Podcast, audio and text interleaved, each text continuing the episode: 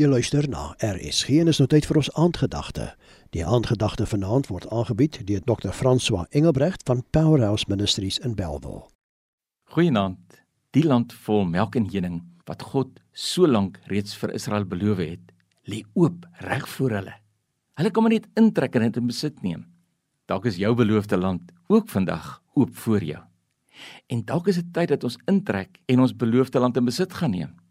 Maar voor hulle oor die Jordaanrivier trek, kom gee God vir hulle 'n goue sleutel, hoe hulle elke vyand in die nuwe land sal oorwin en hoe hulle kan seker maak dat dit vir die res van hulle lewens met hulle voorspoedig sal gaan.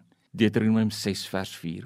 Hoor Israel, die Here ons God is 'n enige Here. Daarom moet jy die Here jou God lief hê met jou hele hart, met jou hele siel, met al jou krag.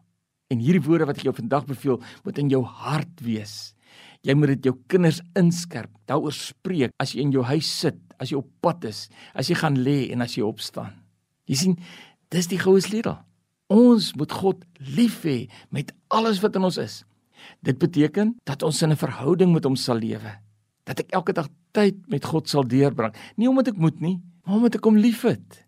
Die Bybel is so in die kol prakties om die neurobane van ons brein te verander sodat ons God sal lief hê altyd, dat ons hom altyd sal gehoorsaam. Kom gee die Here sulke praktiese riglyne vir ons. Ons liefde vir God moenie maar net leefwoorde wees nie. Dit moet in ons harte leef. En kom ons doen praktiese dinge wat ons sal herinner daaraan dat God alles in ons lewe is. Oral waar ons beweeg, elke dag moet ons met ons kinders daaroor praat sodat hulle ook sal leer om spontaan vir God lief te wees. Jy weet in Israel doen hulle selfs baie meer.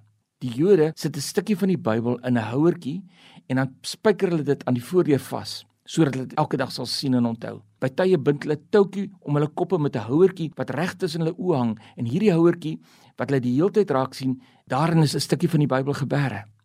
Maar Christus van Kersfees het ons kom vrymaak van die wet. Ons hoef nie meer gebedsbande en houertjies tussen die oë te dra nie. Jesus het ons die liefdesband met God kom vasmaak. Hy graweer dit in ons harte in.